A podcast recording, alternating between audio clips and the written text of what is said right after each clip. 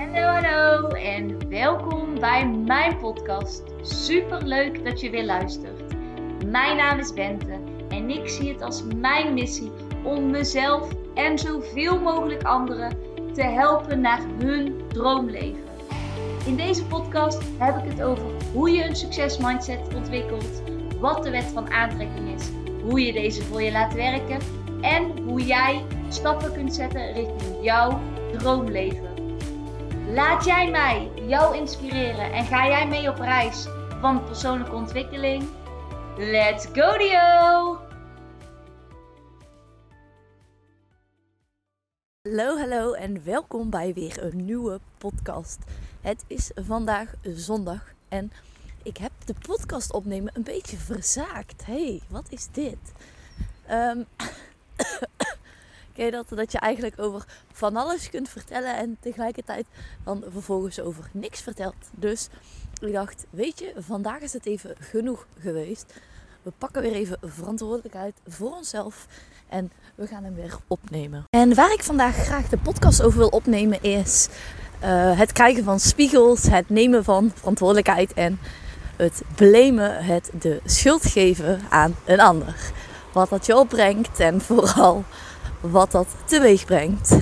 En ik neem hier een podcast over op omdat dit voor mij de afgelopen tijd echt enorm belangrijk um, is geweest. En waar ik weer tot hele ja, bijzondere inzichten ben gekomen.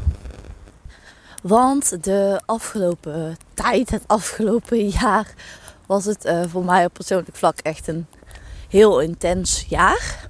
En dan ga je door allerlei processen heen. En wat ik het afgelopen jaar weer opnieuw en afgelopen maanden opnieuw heb mogen zien en mogen ervaren bij mezelf is dat gewoon, dat geloof ik ook heel erg van, alles om je heen spiegelt eigenlijk jouw binnenwereld. Dus op het moment dat jij mensen krijgt die heel vervelend tegen jou doen, mensen die heel uh, onzeker zijn, heel veel controle hebben, die weet ik het wat zijn, die leren jou iets over jezelf waar jij ofwel aandacht aan mag besteden of gewoon die laten jou zien uh, wat je op dat moment, ja, wat, wat er eigenlijk zich binnenin jou afspeelt. En we leven in een maatschappij waarin het heel erg normaal is om door te blijven gaan en vanuit ons hoofd te leven. En om vooral ook gewoon maar door te gaan. En ik merkte dit ook, laatst werd ik me er weer bewust van. Toen dacht ik bij mezelf, om me heen merkte ik dat ik continu mensen tegenkwam, eigenlijk, die heel erg de controle vasthielden op kleine minuscule dingetjes.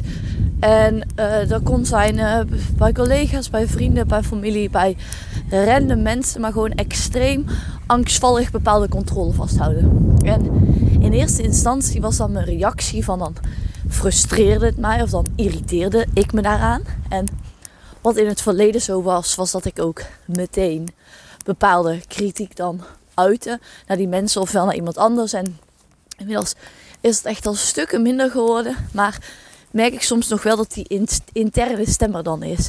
En dat ik dacht van Jezus, wat doen die mensen moeilijk? En waarom ben je daar zo mee bezig? En wat, wat levert het jou in godsnaam op? Tot ik op een gegeven moment merkte van oké, die mensen die komen vaker en vaker en vaker. En ik dacht, oké, ik denk dat ik hier zelf ook iets van mag leren. Want ik geloof dus nog steeds in het stuk mensen spiegelen wat in ons binnenste zit. Wat, wat wij eigenlijk daadwerkelijk voelen. En we leven in een maatschappij waarin het zo genormaliseerd is om altijd maar door te gaan, vanuit ons hoofd te leven, uh, hard te werken en maar weinig stil te staan om even letterlijk op adem te komen. of uh, om even rond te kijken of om even eens echt te voelen, wat voel ik nu echt? En is dit van mij of is dit van een ander? En doordat we die tijd niet nemen, is het heel makkelijk om dan te denken: oké, weet je, ik leg het bij die externe mensen uh, neer. Wat zijn die mensen toch irritant? Of wat is dit toch?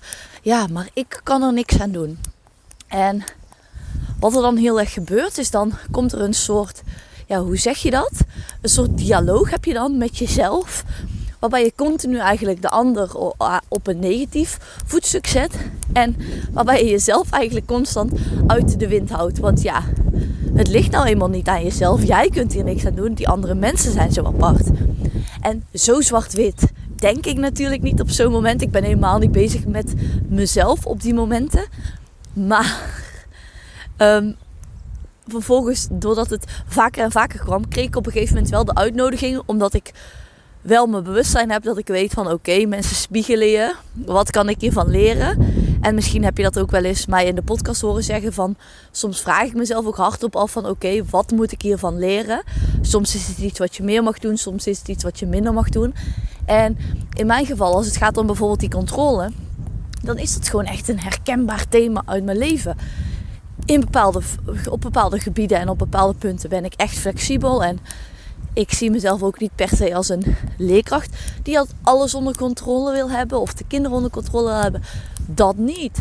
Maar tegelijkertijd vind ik het wel heel moeilijk om los te laten. En ja, wat is controle? Controle is een stukje loslaten. En dan bedoel ik niet zozeer loslaten als het gaat om een klas of om school. Maar wel om bepaalde dingen. Of als het gaat om dingen manifesteren. Of, of dat het gaat over bijvoorbeeld wat als situaties. Want zeg nou eerlijk, hoe erg kun je als mens blijven hangen in? Ja, maar stel je nou voor dat er dit gebeurt. En als je dat heel vaak hebt, dan wil ik je eigenlijk uitnodigen om mijn podcast Neem Risico's te gaan luisteren. Omdat ik in die podcast ook inga op waarom het zo belangrijk is om risico's te nemen en waarom je altijd een risico loopt. Eigenlijk simpelweg vanaf het moment dat je hier geboren werd. Maar goed, ik merkte dus bij mezelf van oké, ik was continu dingen eigenlijk bij externe mensen aan het leggen. En dat is wat ik dus heel veel om me heen ook zie. En dat is eigenlijk op dat moment leg je de verantwoordelijkheid buiten jezelf. Heel veel vrouwen zijn er ook toe geneigd om de verantwoordelijkheid voor zeg maar, het hele gezin naar zichzelf toe te trekken. En enerzijds snap ik dat, omdat je natuurlijk op een bepaald vlak uh, dingen moet verzorgen voor kinderen. En tegelijkertijd is het ook heel sterk als je zeker bij je partner, maar ook je kinderen een bepaalde mate van eigen verantwoordelijkheid laat nemen. Want op het moment dat jij vanuit goede bedoelingen altijd aan het zorgen bent voor een ander, kun jij nooit zorgen voor jezelf. Dit is ook een, dit, dit zeg ik. En tegelijkertijd is het echt een punt voor mij waar ik echt nog aan het werken ben. Aan aan het werken ben. Want het is makkelijk om vanuit een goede intentie te denken: ik ga zorgen voor de ander. Maar tegelijkertijd zorg je op dat moment vaak niet meer of niet genoeg of niet voldoende voor jezelf. En op het moment dat wij als mensen niet onze eigen verantwoordelijkheid pakken, dan zullen we continu ons heil gaan zoeken, de schuld te zaakjes. Ik ik uh, maak aanhalingstekens met mijn vingers terwijl ik dit zeg, zul je de schuld bij een ander leggen. En op het moment dat, je, dat er wordt gesproken over schuld, zal er nooit iets daadwerkelijk veranderen. En Gisteren nam ik daar een mooi filmpje over op. Ehm, je zag bepaalde eenden of vogels, ik weet niet precies wat het waren. En de een was uh, voorop aan het uh, zwemmen en de ander uh, zwom er achteraan. En die was eigenlijk continu aan het schreeuwen tegen de ander. En ik dacht, ja, dit is hoe het gebeurt. Wij zien in onze werkelijkheid, zien wij in onze fysieke, fysieke werkelijkheid, in onze realiteit, zien wij iets gebeuren, iets wat een ander doet. Daar gaan wij op schreeuwen, soms letterlijk, soms figuurlijk omdat wij daar iets van vinden. Omdat dat makkelijker is dan naar onszelf te kijken. Omdat dat makkelijker is dan verantwoordelijkheid te pakken over ons leven. Want stel je nou eens voor, dadelijk gaan we echt iets veranderen in ons leven. En ergens zeggen we wel dat we dat willen, maar het is ook eng en oncomfortabel. Dus willen we dat wel echt? En toen luisterde ik vanochtend uh, een podcast van Jim Rohn. Take Charge of Your Life heet die. Duurt een uur. En die was ik aan het luisteren. En toen zei hij: You can have more than you have right now. But then you also have to become more than you are right now. En dat geloof ik zo erg van. Jij kan zoveel meer hebben. En heel vaak vragen mensen van hoe krijg ik een hoger inkomen? Of hoe krijg ik meer dit? Of hoe krijg ik meer dat? En het begint en eindigt letterlijk bij jezelf. En Jim Rohn geeft ook dat voorbeeld van hoe hij was, zeg maar, toen hij uh, ook in de twintiger jaren was en hij een soort mentor had. En dat die mentor aan hem vroeg van, maar hoe komt het dat jij niet succesvol bent? En hij zei van, ja, het lag aan de, aan de government en het lag aan, uh, zeg maar, uh, mijn neven die me geen geld wilden lenen, want die waren zo negatief en bitter. Ehm, het lag aan de supermarkt, want daar waren de prijzen te hoog. Eh, het lag aan eh, mijn vriendin, want die, die snapte mij vaak niet. Het, uh, het lag aan de economie. Het lag aan mijn baas. Het lag aan mijn mede... hoe zeg je dat? Mede, aan, aan mijn collega's. Aan. En toen zei die man, die mentor had heel goed naar hem geluisterd. Liet hem ook helemaal uitspreken. En toen zei hij... There's one big problem in your list. You forgot to include you. En toen dacht ik, ja, dit is het. Mensen, dit is het op het moment dat jij in een situatie zit en jij gaat kijken hoe komt het nou dat ik in deze situatie me zo voel? Of hoe komt het überhaupt dat ik in deze situatie zit? En jij begint met het opsommen van redenen waarom. En jij staat nergens in die lijst, jij staat nergens tussen die reden, dan weet je ook dat jij die situatie of in die situatie zal blijven of continu dezelfde soort situaties zal aan blijven trekken zoals die waar je nu in zit. En misschien is het niet letterlijk dezelfde situatie, maar dan is het gewoon letterlijk hetzelfde gevoel wat je zal gaan krijgen. Want tenzij jij iets, iemand anders gaat worden, tenzij jij iemand gaat worden met bepaalde skills, met een bepaalde houding, met een bepaalde mindset, zal er niks aan de situatie gaan veranderen. En blijf jij iemand die zal roepen, die zal schreeuwen, die zal wijzen naar de externe mensen, naar de externe wereld, omdat je alles buiten jezelf zoekt. En zoals ik al vertel, ik had ook die situatie. En ik dacht, waarom krijg ik dat nou zo vaak? En ik merkte de laatste paar weken dat ik steeds vaker kon denken: oké, ik krijg het, maar wat kan ik nou doen? Hoe kan ik op een andere manier reageren? Wat kan ik tegen die mensen zeggen? Of wat hoef ik juist helemaal niet te zeggen? Wat zegt dit over mezelf? En ik denk op het moment dat jij veel meer om je heen kunt kijken van niet waarom overkomt mij dit nu, maar wel vanuit wat kan ik hieruit leren. En dan kan je zoveel geven. En op het moment dat je dus iets meer of je verantwoordelijkheid voor jezelf gaat nemen. Naast dat je misschien voor je kinderen zorgt of wat dan ook.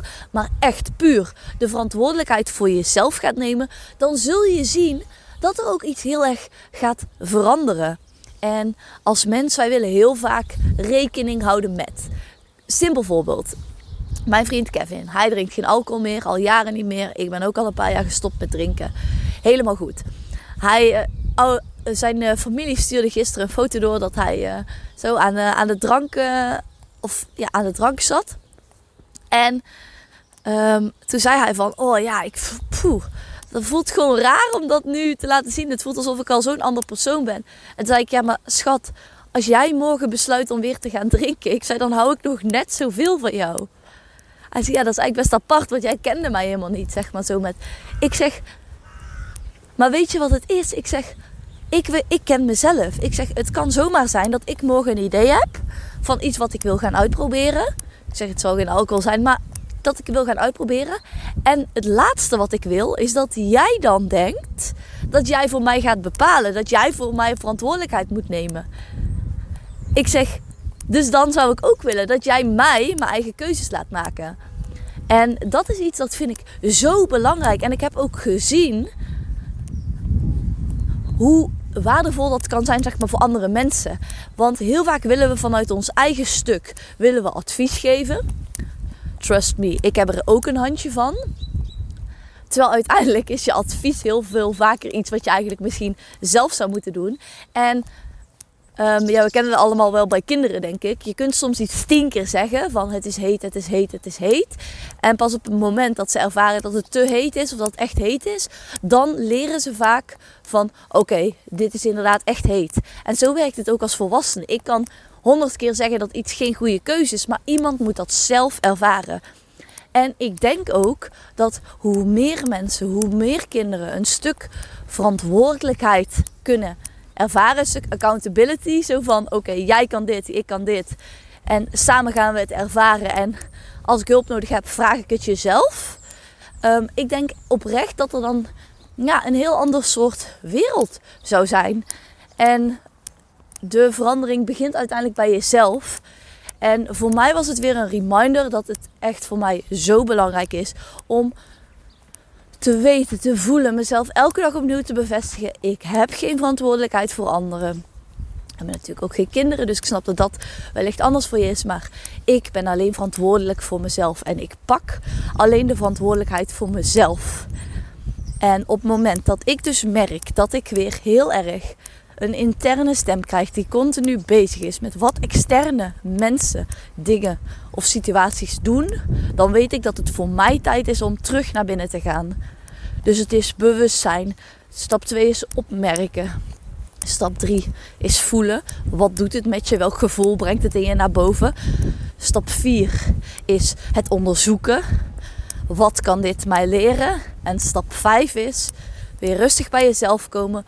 Een stuk zelfreflectie. En stap 6 is: oké, daadwerkelijk misschien een verandering doormaken of uh, meer informatie opzoeken over dat onderwerp of hulp vragen. Naar een coach gaan, naar een medium gaan, naar een wat ook goed voelt, een psycholoog, wat ook goed voelt voor jou.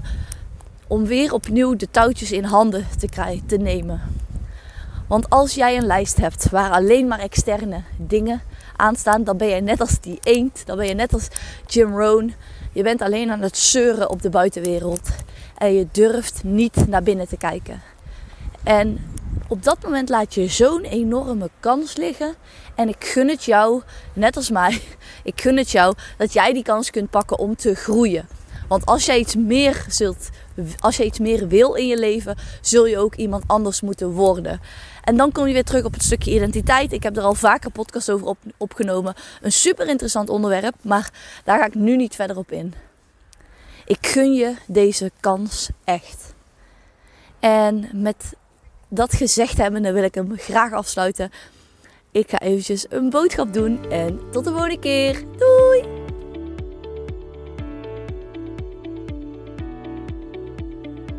Niet je nou van deze podcast en wil je mij graag helpen? Laat dan een review achter via Apple of iTunes en dan help je mij en mijn bereik enorm. Ik wil graag zoveel mogelijk mensen inspireren en helpen. Dus als jij me een klein stapje kunt helpen, waardeer ik dat enorm. Super leuk en dankjewel voor jullie steun.